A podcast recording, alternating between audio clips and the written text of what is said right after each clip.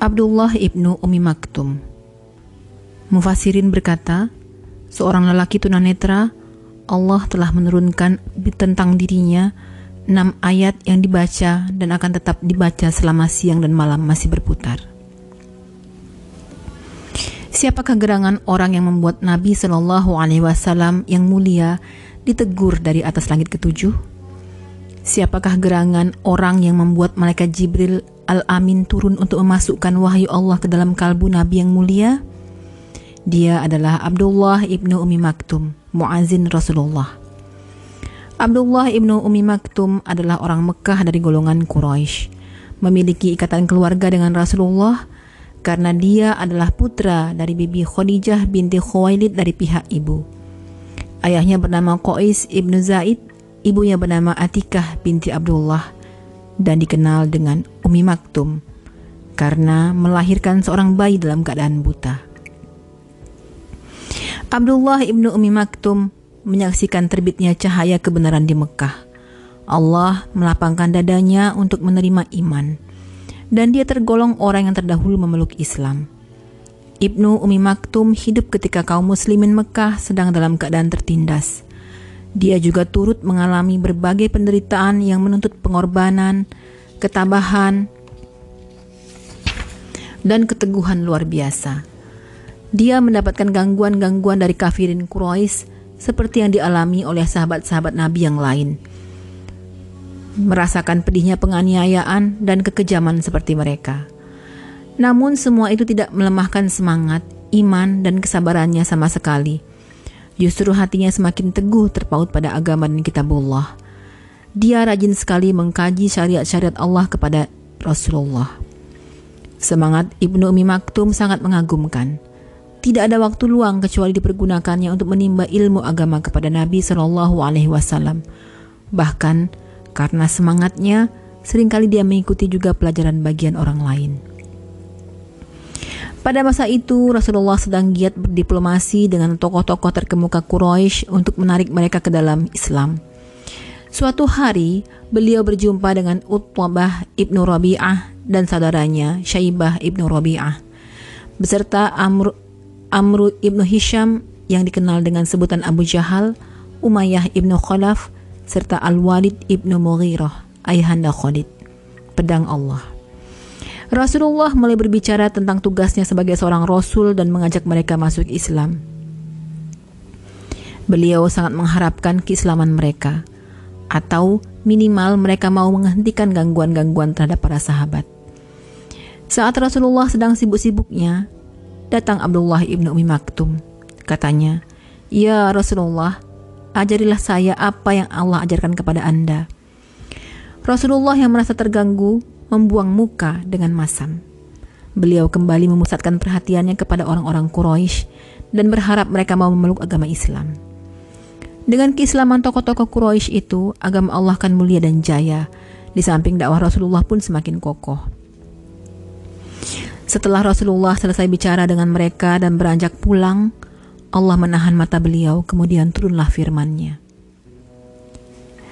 Abasa wa tawalla أن جاءه الأعمى وما يدريك لعله يزكى أو يذكر فتنفعه الذكرى أما من استغنى فأنت له فأنت له تصدى Dia Muhammad bermuka masam dan berpaling karena telah datang seorang buta kepadanya. Tahukah kamu, barangkali ia ingin membersihkan dirinya dari dosa atau dia ingin mendapatkan pelajaran.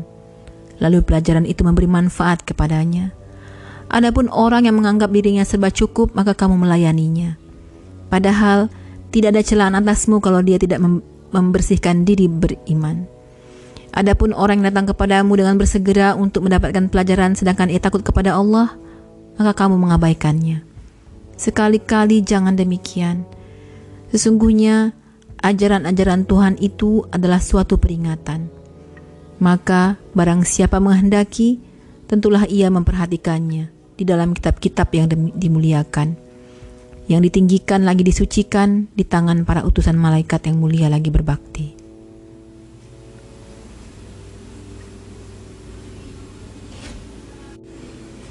Enam ayat pertama yang dibawa Jibril dan diturunkan ke dalam kalbu Nabi Shallallahu Alaihi Wasallam berkenaan dengan urusan Abdullah ibnu Umi Maktum. Enam ayat itu masih terus dibaca hingga hari ini dan akan tetap dibaca sampai Allah mengambil kembali bumi ini dan seluruh penghuninya. Sejak itu, Rasulullah makin menghormati Abdullah ibnu Umi Maktum. Apabila dia datang dan duduk di sisi beliau menanyakan hal ikhwal keperluannya. Ketika gangguan-gangguan Quraisy makin keras, Rasulullah mengizinkan kaum muslim berhijrah. Abdullah ibnu Umi Maktum termasuk muslim yang paling cepat meninggalkan negerinya demi menyelamatkan agamanya. Bersama Mus'ab ibnu Umair. Abdullah ibnu Umi Maktum termasuk rombongan sahabat yang pertama kali datang ke Madinah. Di sana, keduanya sana keduanya tanpa kenal lelah mendatangi rumah-rumah penduduk mengajarkan Al-Quran. Setelah Rasulullah sendiri tiba di Madinah, beliau mengangkat Abdullah ibnu Umi Maktum dan Bilal Abi Rabah sebagai muazin. Mereka bertugas mengumandangkan kalimat tauhid lima kali sehari untuk mengajak manusia mengerjakan amal kebaikan dan mendorong pada kebahagiaan. Terkadang Bilal yang menyerukan azan, sedangkan Ibnu Umi Maktum menyerukan iqamat, dan terkadang sebaliknya. Keduanya punya tugas keduanya punya tugas tersendiri pula pada bulan Ramadan. Kaum muslimin Madinah mulai makan sahur setelah mendengar azan Bilal.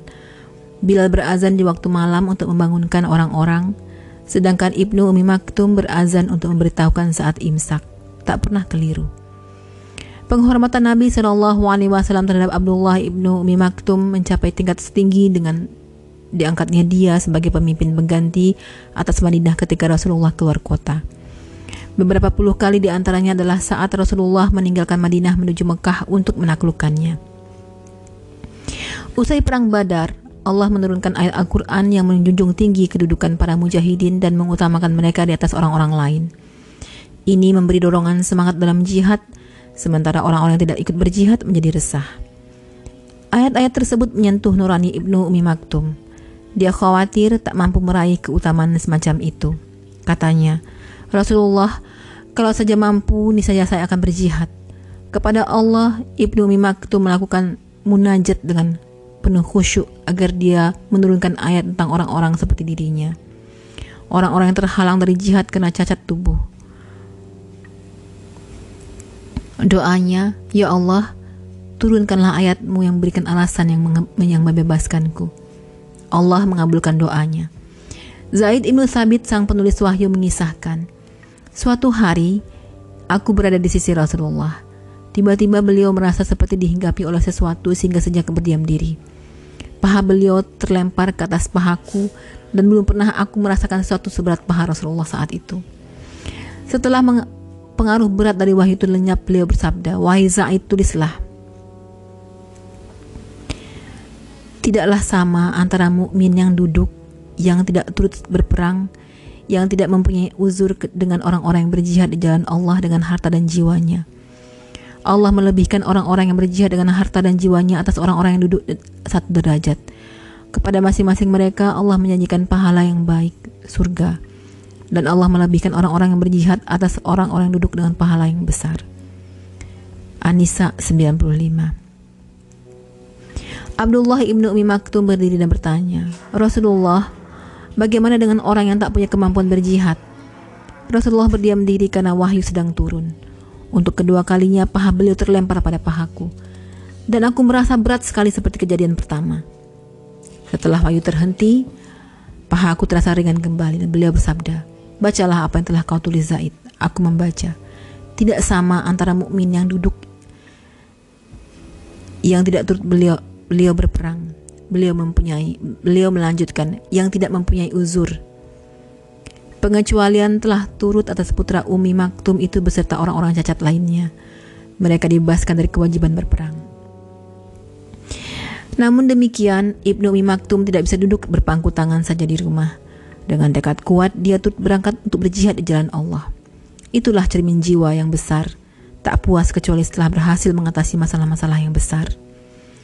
Sejak hari itu, Abdullah ibnu Umi Maktum selalu siaga jangan sampai tertinggal dari perang-perang Nabi Shallallahu Alaihi Wasallam. Dia menetapkan tugas bagi dirinya sendiri. Katanya, Tuntunlah aku di antara dua barisan, lalu beri aku panji-panji. Aku akan membawa dan menjaganya. Sebagai orang buta, aku tidak bisa berlari.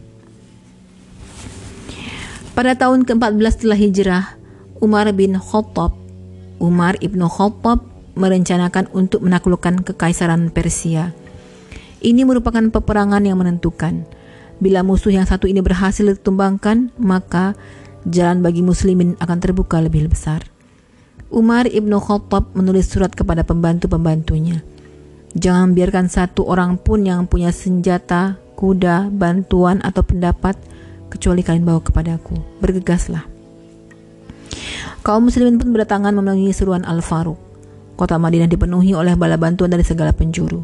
Dan di antara mereka terdapat seorang buta Abdullah ibnu Umi Maktum. Al-Faruq mengangkat Sa'ad ibnu Abi Waqqas sebagai panglima pasukan. Dia mengantarkan keberangkatan pasukan sambil memberikan pesan-pesan.